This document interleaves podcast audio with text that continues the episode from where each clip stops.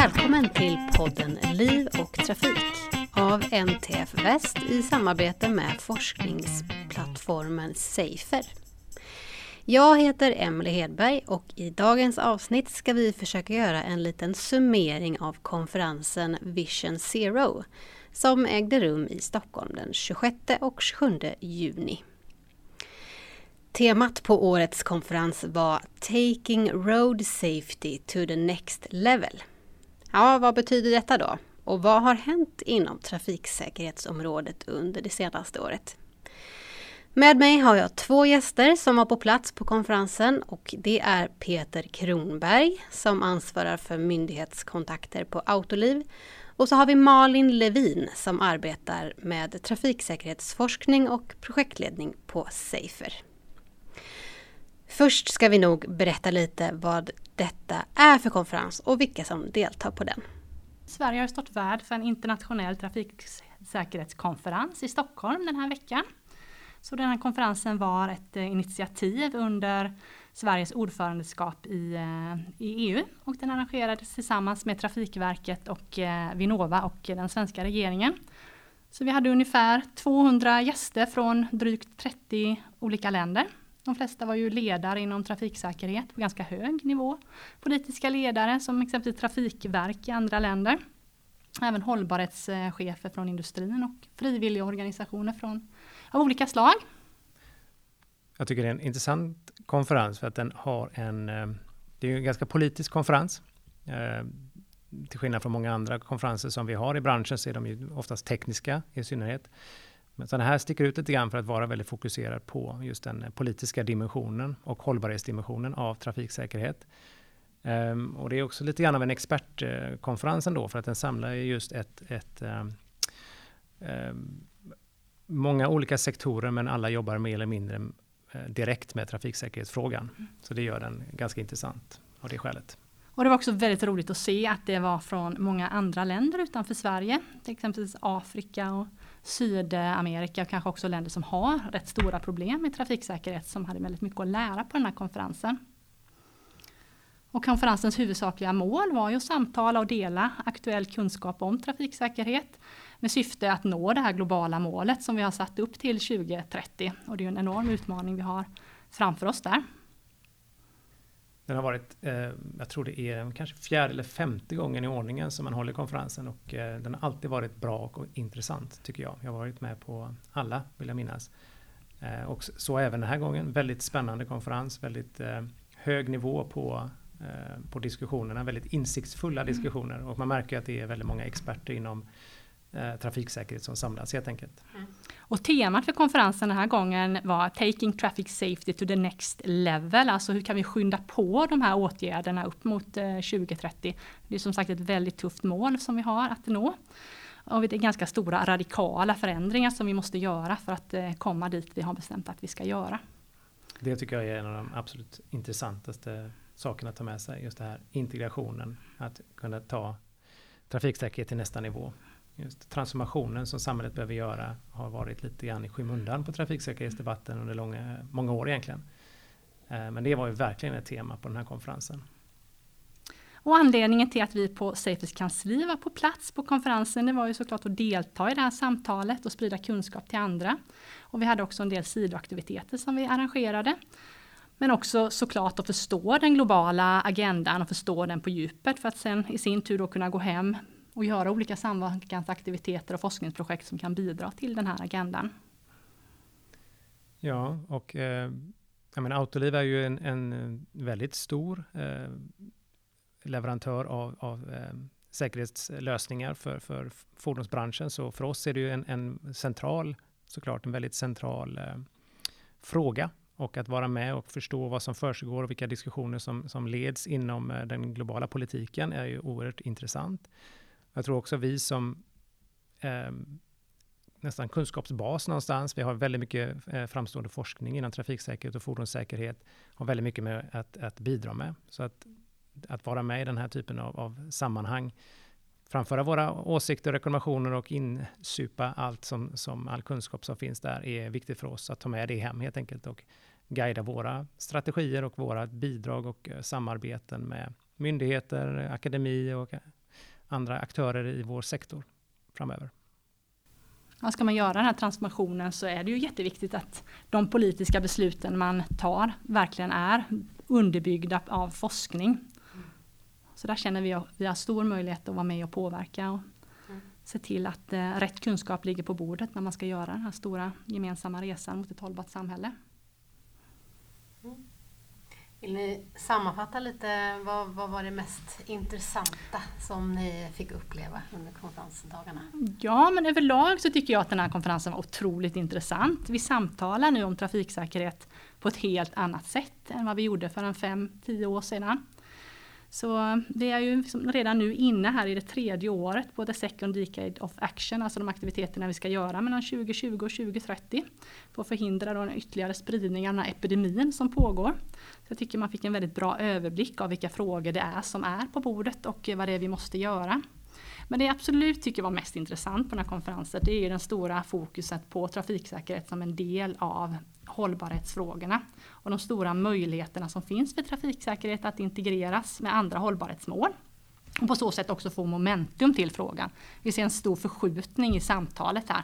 Det är inte längre ett isolerat trafiksäkerhetsproblem vi ska lösa utan det är ett större samhällsproblem för att nå ett hållbart samhälle. Så att Agenda 2030 verkligen har fått ett så stort fäste i samtalet tycker jag var väldigt bra och intressant att lära mig om. Mm, nej, men jag håller med. Det, tittar man tillbaka så här tiotal år så egentligen så har vi haft samma situation. Alltså, I princip lika många döda i trafiken. Det har inte hänt någon, någonting signifikant på den globala nivån, tyvärr.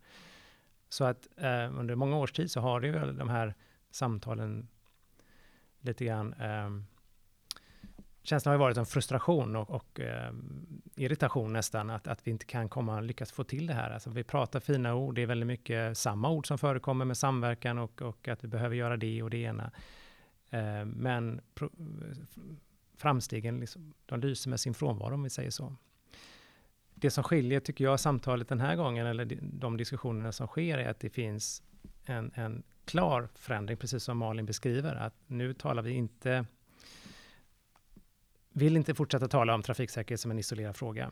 Och det kan vara viktigt att visserligen hoppa tillbaka lite och gärna eh, ha, ehm, eller förstå att, att för tio år sedan så var ju trafiksäkerhet inte ens på agendan på det här sättet. Framförallt inte på den högsta politiska nivån. Det var inte en hållbarhetsfråga, det var inte bland SDG-målen. Ehm, så att det är en enorm... Den, det första steget som togs var ett enormt framsteg helt enkelt. Så nu har man ju klart eh, haft det, lyxen av att trafiksäkerhet är en del av eh, hållbarhetsagendan nu under en längre period, men trots det inte ser effekterna som vi vill se globalt.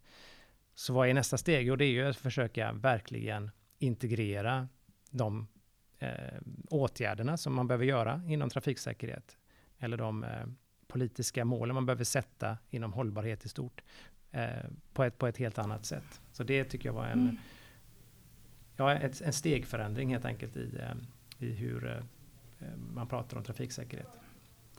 Och vi fick ju flera riktigt bra exempel också på hur man kan göra det här i praktiken och integrera trafiksäkerhet med andra hållbarhetsmål för att skapa momentum och få en större en större drivkraft bakom en förändring. Så bland annat eh, Maria Kraft som är måldirektör på Trafikverket. och Hon är också en uppskattad medlem i vår styrelse här på Safer. Hon berättade sitt inspirationstal att eh, genom den här forskningen som vi har genomfört eh, inom Safer-plattformen och även utförd av Folksam har vi konstaterat att i princip hälften av alla trafikolyckor kan kopplas till någons värdekedja. Alltså att någon faktiskt blir dödad när de arbetar att arbeta i trafiken är faktiskt det vanliga sättet att, att dö när man är i arbete. Så att säga. Och det är en rätt skrämmande fråga egentligen. Mm. Och det jag egentligen vill försöka säga med det här är att trafiksäkerhet är egentligen ett oerhört angeläget arbetsmiljöfråga. Så det är ett exempel på hur man kan få trafiksäkerhet på agendan, att ta det från ett arbetsmiljöperspektiv. Mm. Och vidare då att konceptet för trafiksäkerhetsavtryck nu har blivit så väl etablerat. Det var också jättekul att se på konferensen och vi kan också skönja liksom en större grad av mognad inom den här frågan. Och med trafiksäkerhetsavtryck så kanske vi ska förklara vad det är för lyssnarna. Vill du göra det Peter? Oj då, eh, absolut. Nej, men, eh, det är precis på samma sätt som vi tittar på ett, eh, ett avtryck av till exempel CO2 utifrån en, eh, från de verksamheter som ett företag eller en annan organisation har genom de produkterna och eh, tillverkningen och transporterna som man har, så finns det eh, ett väldigt liknande perspektiv att titta på konsekvenserna för trafiksäkerhet. Och då rent krasst titta på antalet skadade eller till och med då döda i trafiken som sker som en följd av de framförallt då eh, transporterna som eh, man, man, genererar som en del av sitt eh, företags värdekedja. Men också som exempel i fallet med Autoliv då som tillverkar eh, säkerhetslösningar så finns ju ett positivt avtryck också att titta på. Det är viktigt att också se de effekterna av de, av de eh, positiva eh, åtgärderna man gör. Så att, eh, och det kan ju bli en otroligt stark hävstångseffekt för förbättring om man förskjuter också ansvaret från den enskilda individen i transportsystemet till en hel organisation. Då. Det finns ju mycket större muskler att få till en riktigt bra och passande förbättring mm. som verkligen kan ge effekt i det långa loppet. Så det var jättekul att se att just det här med trafiksäkerhetsavtryck faktiskt har kommit upp på agendan och att det finns intresse för organisationer att börja titta in i den här frågan. Men det var ju massor med andra saker som också var bra. Eh, en sak som jag tyckte var, gav mig väldigt mycket perspektiv och motivation. Det var bland annat ett anförande av Etienne Kryg från eh, WHO. Han berättade om att att dö i trafiken det är ju helt normaliserat i samhället idag, vilket egentligen är helt, helt galet. Sen gav bland annat perspektivet här vilken enorm uppmärksamhet eh, det här caset med den här ubåtsolyckan eh, precis nyligen när fem personer omkom. Och det är ju naturligtvis jättetragiskt och jättesorgligt att det händer. Men bara under hans fem minuter långa anförande på den här konferensen så hade ju tio personer faktiskt dött någonstans i världen i trafiken. Mm. Så det här perspektivet och motivationen kände jag väldigt starkt kom till mig också på konferensen. Och det är också den vanligaste dödsorsaken i världen bland unga just nu, att dö i trafiken. Och Peter, du har säkert ännu fler spännande reflektioner som du tar med dig hem.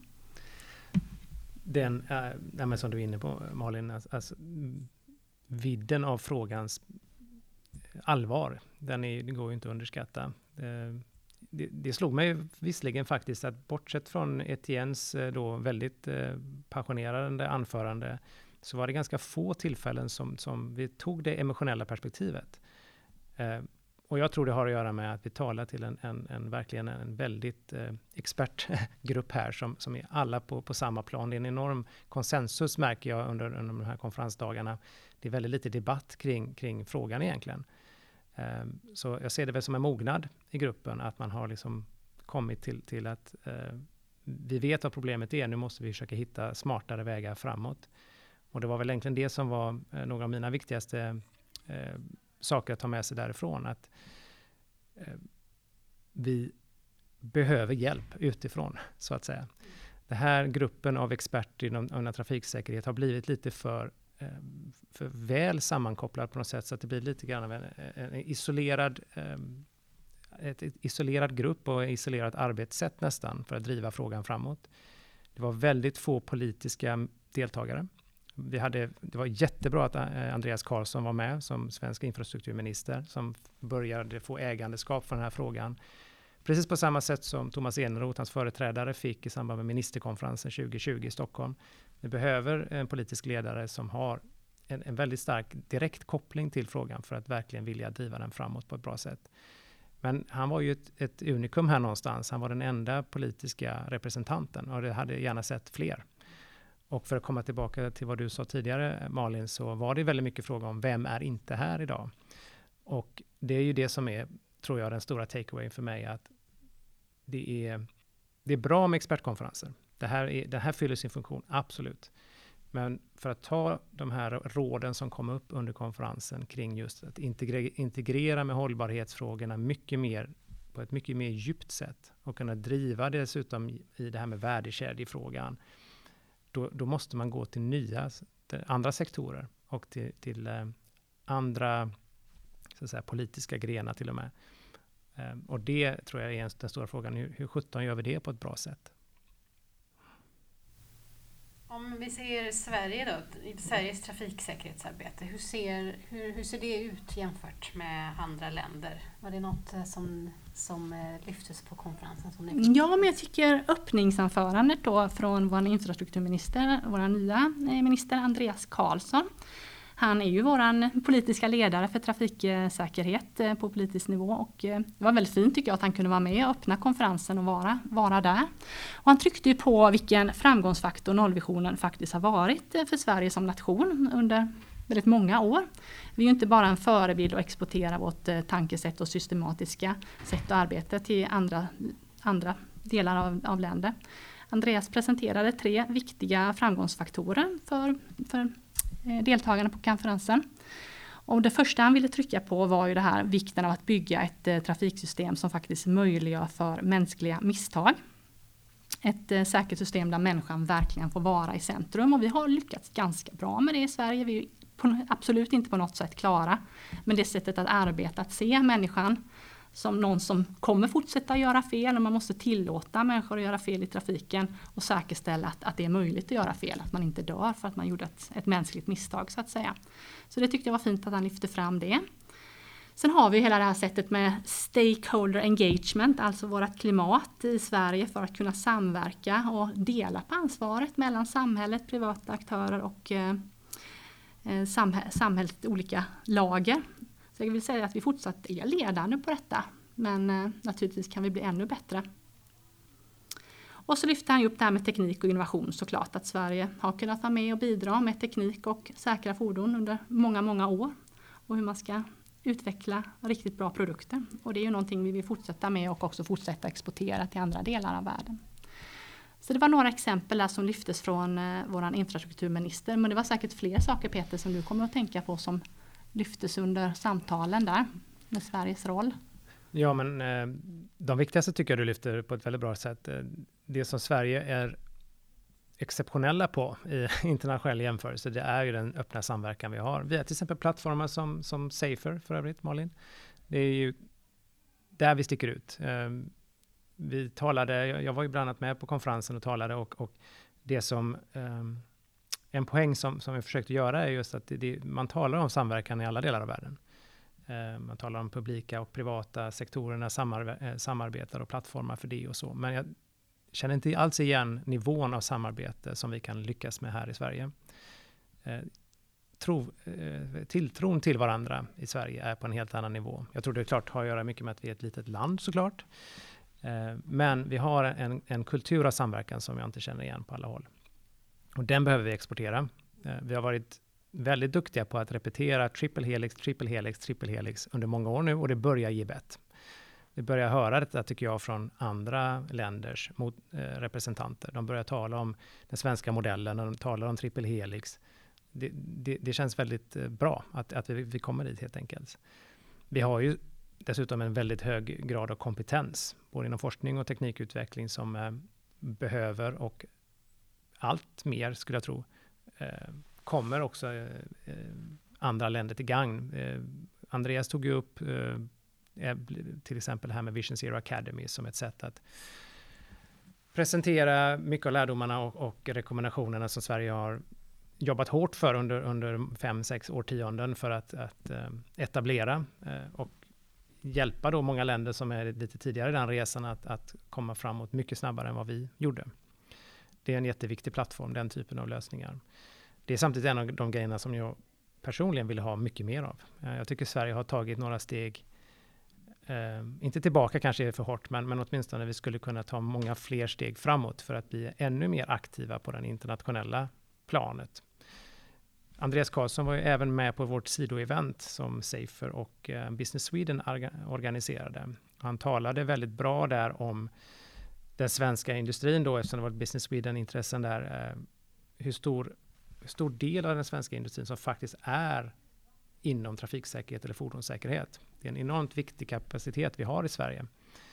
Eh, och det finns all anledning att i då eh, blandat med den kompetensen vi har inom forskning och med eh, myndighetsutförande och, och infrastruktur fortsätta eh, bidra till eh, låg och medelinkomstländernas utveckling det var väldigt skönt att höra det från vår minister tycker jag.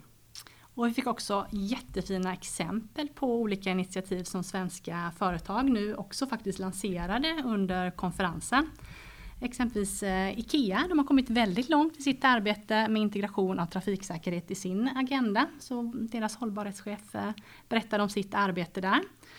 Och det är återigen de här trafiksäkerhetsavtrycken som jag kommer tillbaka till. Att de har börjat verkligen titta och kartlägga hela sin eh, värdekedja för att följa upp eh, olyckor, skador och göra det på ett systematiskt sätt. Så det var väldigt inspirerande att eh, att höra runt detta.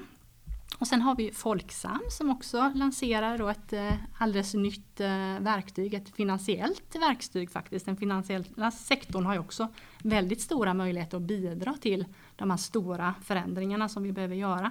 Kan ju inte gå och tugga på med cykelhjälmar och cykelbanor. Det är ju helt andra saker som måste till för att man ska kunna göra en riktigt stor förflyttning. Så Folksam har, de har ett enormt stort kapital att förvalta. Det är ju en, de är en stor aktör inom pensionsförvaltning. Jag tror den siffran som nämndes var så mycket som 600 miljarder US-dollar som de förvaltar per år. Så de har satsat på att göra ett instrument, nu en form av obligation, för att investera i olika, olika trafiksäkerhetshöjande eh, projekt. Då. Jättefint och inspirerande initiativ, också helt unikt i sitt slag. Så de berättade något exempel de har gjort här i Göteborg, att de har satsat på cykelvägar och låna ut pengar till att bygga detta. Då. Och detta i sin tur ger ju både hälsosammare människor och mindre trafikproblem. Så att finanssektorn, att de steppar upp då och kommer med ett nytt verktyg, det är ju en highlight från den här konferensen tycker jag. Jag tycker det är också ett jätteviktigt steg. Eh, vi, vi ser ju effekten på hur eh, investeringar i eh, olika gröna obligationer och överhuvudtaget att man börjar hållbarhetsutvärdera aktier och, företag, vilken effekt det faktiskt har. Så att otroligt positivt att vi, eh, vi ser den typen av utveckling inom Safety också. Mm. Ja, även Världsbanken berättade ju att de precis nu har integrerat eh, trafiksäkerhet i alla sina upphandlingar. Och de berättar också helt astronomiska siffror hur många sådana affärer de egentligen gör per år. Så att, eh, att man kan sprida det här till andra sektorer som verkligen har en stor möjlighet att påverka är ju, mm. ja, det känns väldigt lovande. Sen hade vi även Michael Carton från Total Energies som också återigen kommer trafiksäkerhetsavtrycken här. Eh, de har faktiskt jobbat eh, ända sedan konceptet lanserades på FN-konferensen 2020 med att titta in i det här med möjligheter att kartlägga sin eh, värdekedja. Och han menar nu faktiskt att de är helt klara med det här arbetet och har under de här tre åren de har tittat på det här så menar han att de har haft ett enda dödsfall i sin värdekedja och då kör de ändå, ändå 400, 350 miljoner kilometer på dag, per dag tror jag han sa. Så de berättar inte exakt vilken metodik de har men att det, att det ändå finns något sätt att göra det här på tycker jag känns väldigt inspirerande och lovande. Och ni på Autoliv har ju såklart också många spännande lösningar och eh, bidrar med om man ska titta på ett företagsperspektiv. Då. Mm. Men, men om man ska säga så, vad är det då Sverige behöver utveckla inom trafiksäkerhet? Oj, det är en jättespännande fråga. Det finns nog eh, andra som har jättemycket åsikter om den. Eh, det, det, det är ju, vi har ju 227 döda i trafiken i Sverige, om jag minns rätt, förra året. Eh, så att vi har ju bevisligen en hel del kvar att göra. Massor fler som skadas allvarligt. Så det finns jättemycket att göra i Sverige nationellt. Ehm, även om vi står oss bra i internationell jämförelse så finns det väldigt mycket mer att göra. Jag tror att vi eh, tappat lite fokus på trafiksäkerhet. Det har tendens till att vara lite en jojo-effekt tycker jag på, den, eh, på vilken eh, uppmärksamhet vi ger trafiksäkerhet i Sverige. På politisk nivå då i synnerhet. Ehm, så att det här att, att vår infrastrukturminister var med och fick uppleva det här i, personligen och, och börja det här med ta, få ägandeskap, få chansen att ta ägandeskap för en sån här viktig fråga tycker jag är eh, väldigt, väldigt bra. Jag tror att det kommer få bra effekt framöver. Förhoppningsvis då ge mer resurser till både den nationella satsningarna och den internationella satsningarna där Sverige kan bidra mycket. Men Sverige har ju verkligen möjlighet att gå i bräschen vad det gäller hela transitionen till ett hållbart eh, samhälle där trafiksäkerhet är en del. Så det är där vi skulle behöva lägga in en större växel just att koppla upp trafiksäkerhet mot andra hållbarhetsmål och ta ett helhetsgrepp runt, runt eh, hållbarhet och trafik, trafiken. Det är ju inte bara en enskild fråga utan visa hur man gör det här i praktiken. Hur kopplar man upp det till hälsa, till, barn, till barns välmående, till arbetsmiljö, till klimat. Hur kan det här bli en hållbarhetsfråga och göra det i praktiken? Mm. Och visa och lära andra om hur man kan göra det på ett bra sätt. Då. Mm. Jag håller med. Och sen har jag återigen, som kanske för ett, vi kommer från Autoliv med ett stort internationellt företag, då, ett jätteintresse av tror att det finns en enormt stort värde av att Sverige bidrar mer internationellt. Och det är ju exempelvis med att driva i eh, FN, så, så eh, i UNECE som det heter, så äger man också frågan om tekniska lagkrav. De som sätter den lägsta standarden på hur fordon och eh, bilar och lastbilar och alla typer av fordon ska utrustas. Där är det mycket kvar att göra. Eh, och inte minst om man tittar på hur andra länder som idag då kanske inte har ens de basala, mest basala Eh, standarden på plats. Hur kan vi få ge dem stöd eller bygga kapaciteten så att de ska kunna börja ställa krav i sina respektive länder. Där har Sverige väldigt mycket kunskap att bidra med. Sverige är såklart redan engagerade via Transportstyrelsen bland annat och Trafikverket och så. Men det finns garanterat mer att göra där. Men skulle ni säga, för den här, det var ju en sån här liknande konferens eh, 2019. Kan ni se eh, vad som har hänt sedan dess? Vad, vad har vi kommit sedan dess? Liksom? Jag skulle vilja nog lyfta fram det här att det inte är något teknikfokus den här gången. Det har varit väldigt mycket teknikfokus de senaste tio åren i många av de här politiska konferenserna också. Talat visserligen om hållbarhet såklart, men det har varit en hel del fokus på fordonsteknik och inte i synnerhet då med automatiserade fordon eller autonoma fordon. Det var ingenting, inget tal om det den här gången. Det kan ju vara ett tecken på många, som man kan analysera på väldigt många olika sätt. Eh, men det var en hel del, eh, ett helt annat fokus på, som vi har pratat om redan, eh, på hållbarhet, integration med hållbarhet, på värdekedjor. Så man tar ett, ett annat grepp på det helt enkelt. Och förståelsen för att den privata sektorn kan göra så otroligt mycket mer än man kanske har gjort tidigare. Att det är ett väldigt kraftfullt verktyg. Det är väldigt bra att du tar upp det igen Malin. Jag håller med dig till fullo. Och just det här att man kanske jag, ser det här med trafiksäkerhetsavtryck som en, en väldigt spännande grej av, på, på många plan. Men, men inte minst om man föreställer sig att i, bredda det så att, säga, så att alla företag, eller egentligen inte alla företag utan alla större organisationer ges eh, de verktyg de behöver för att börja titta på sin värdekedja och analysera den utifrån vilken påverkan har vi egentligen på trafiksäkerhet. Och sen ge dem stöd för att ta hand om det, att jobba med det på ett proaktivt sätt jag menar, organisationer som, som MTF, Safer eh, och företag som, som Autoliv och Volvo och de andra, så, så här, det, det kan ju säkerhet. Vi vet ju hur vi gör det där. Jag gav den komplimangen till Ikea, som trots allt sitter på konferensen som en, ett företag som inte alls på något vis är expert inom trafiksäkerhet, men som ändå har tagit stora kliv. Och det är just det jag tycker är den stora spännande utvecklingen med trafiksäkerhetsavtryck. Tänk om vi ger alla företag, oavsett bransch, den möjligheten att börja sätta mer skarpa krav. Det kommer ju bli en enorm effekt på trafiksäkerheten.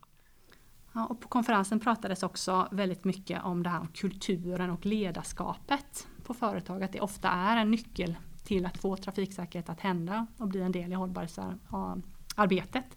Så just frågan runt trafiksäkerhetskultur tycker jag också är någonting man tog med sig från konferensen hur viktigt det är och hur, hur hittar man nycklarna för att sätta en riktigt bra kultur i ett företag? Hur möter man människorna som jobbar på ett företag så att man förstår hur man ska agera och varför man ska agera och vilka frågor är prioriterade. Och hur sätter man det ledarskapet? Och här behöver vi också forska mycket mer kring de mekanismerna för att få det här att hända på riktigt. För det handlar ju väldigt mycket om mänskligt beteende i trafiken. Varför väljer man att göra på ett visst sätt? Att man kanske egentligen vet att det är mindre lyckat. Så det är jättemånga spännande forskningsfrågor för oss att ta hem där också efter konferensen nu. Mm. mm just det. Mm. Jag tror ändå samtidigt som vi saknade kanske att den inte diskussionen kunde utvecklas ännu mer, för jag tror där finns det otroligt mycket att hämta. Det här med, man talar om säkerhetskultur så fastnar man ganska ofta i slutanvändaren eller trafikanten eller liknande, men det är ju inte där problemet ofta ligger. Det finns ju såklart där med, men det är ju bland de politiska ledarna, det är hos myndigheter och så som behöver förstå problemet, försöker, behöver förstå att okej, okay, erkänna att det finns ett problem och sen behöver man förstå att det finns åtgärder man kan göra. Till exempel att bygga kapacitet att samla in data eh, på trafikanter på olyckor som sker så att man kan i sin tur då eh, planera åtgärder som faktiskt har en effekt. Och annars så blir det ju helt omöjligt att, att bli övertygad eller att kunna övertyga ett land som kämpar med till exempel oskyddade trafikanter, säg eh, motorcyklisterolyckor, att ta itu med det på ett, på ett sätt som faktiskt har en effekt. Så säkerhetskultur ska nog få förhoppningsvis större utrymme Men då gärna riktat till de eh, eh politiska ledarna och myndigheterna. Mm. Och vad tar ni med er då in till era till, hem till era organisationer efter den här konferensen? Du pratade om att eh, lite forskningsidéer. Ja men absolut, vi kommer ju också fortsätta naturligtvis med kunskapsöverföring på en mängd olika vis. Att politiska beslut eh, och investeringar görs på helt vetenskapliga grunder. Så på en konferens av det här slaget får man ju verkligen upp ögonen för det igen, hur viktigt det är att vi kan nå ut med den här kunskapen till rätt personer. Så vi inte bara sprider forskningen vidare till andra forskningar utan de verkligen når upp till de politiska rummen också. Och att det sker i samverkan då. Och sen inser jag att vi kommer behöva fortsätta då och eh, integrera trafiksäkerhet i andra hållbarhetsutmaningar och få människor att förstå hur viktigt det här är och hur man gör det på, i praktiken för att skapa momentum. Och vi behöver också bli bredare på Safer. Vi behöver knyta upp oss eh, mot andra forskningsdomäner för att få den här effekten som vi har lärt oss är så viktig och effektiv. Vilka forskare är det? Var finns de? Och hur ska vi få dem att förstå att det finns ett stort värde att samverka med oss? Så det behöver vi jobba vidare med. Trafiksäkerhetsavtrycken igen då. Vi har ju redan genomfört en hel del forskningsprojekt på det här området och vi har även en think tank, en en liten eh, tankesmedja som tittar på hur, vilka forskningsfrågor som är kopplade till att eh, få det här verktyget att flyga på riktigt. Så det arbetet ser vi också fram emot att fortsätta. Och sen återigen då det här med kulturen, alltså organisatorisk säkerhet pratar vi om. Hur organiserar man för den här typen av frågor då? Så det, det, är säkert massor med mer, men det var de sakerna som, som kom till mig spontant här nu. Peter, vad tar du med dig hem till Autoliv?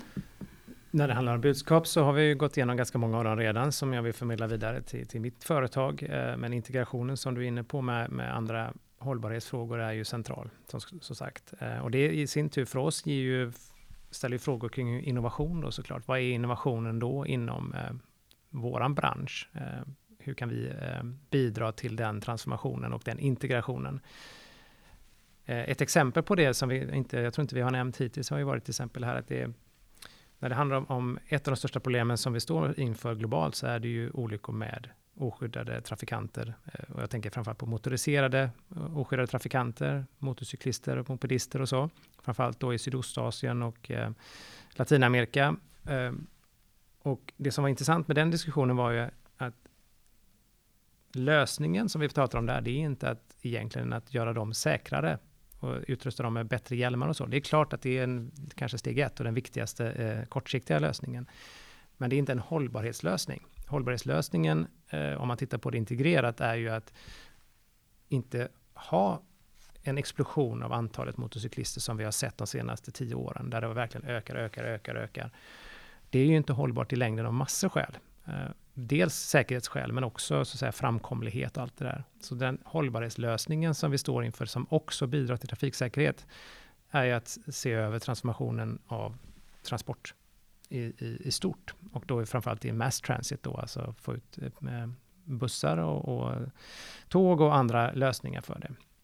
Så för oss som eh, trafiksäkerhets och fordonssäkerhetsleverantör så ställer det ju frågor kring vad betyder vilken typ av innovation är det aktualisera det för oss. Vad är det vi behöver eh, fokusera på? Eh, det tycker jag är en spännande öppen fråga som jag tar med mig helt enkelt. Annars så ser jag också att vi har väldigt, väldigt mycket att bidra med. Jag fick mycket så att säga, bekräftelser på att det som vi vill göra mer av är att bidra till den internationella diskussionerna och jobbet eh, med eh, framtagning av bättre krav, bättre lösningar, få ut fler bättre lösningar i trafiken i, i låg och medelinkomstländerna, den är högst aktuell. Så där, där finns det egentligen mer, bara mer att göra som vi ska satsa på. Och sen har vi ett nytt mål också, får vi se det kortsiktigt, Marocko 2025. Mm, då är det dags för nästa ministerkonferens eh, på den här nivån, där politiska ledare från hela världen ska samlas och egentligen titta då halvvägs mellan 2020 och 2030, hur ligger vi till? Och innan dess kommer också en ny trafiksäkerhetsrapport från WHO redan i slutet på året eh, där vi också får se den senaste statistiken hur utvecklingen i olika delar av eh, världen ser ut. Det ska bli väldigt intressant. Mm. Ja, och där säger förhandsinformationen att vi inte ser så bra ut. Som tyvärr väntat. Men spännande och väldigt viktig rapport som kommer ge oss väldigt mycket förhoppningsvis då inspiration att uh, jobba ännu hårdare.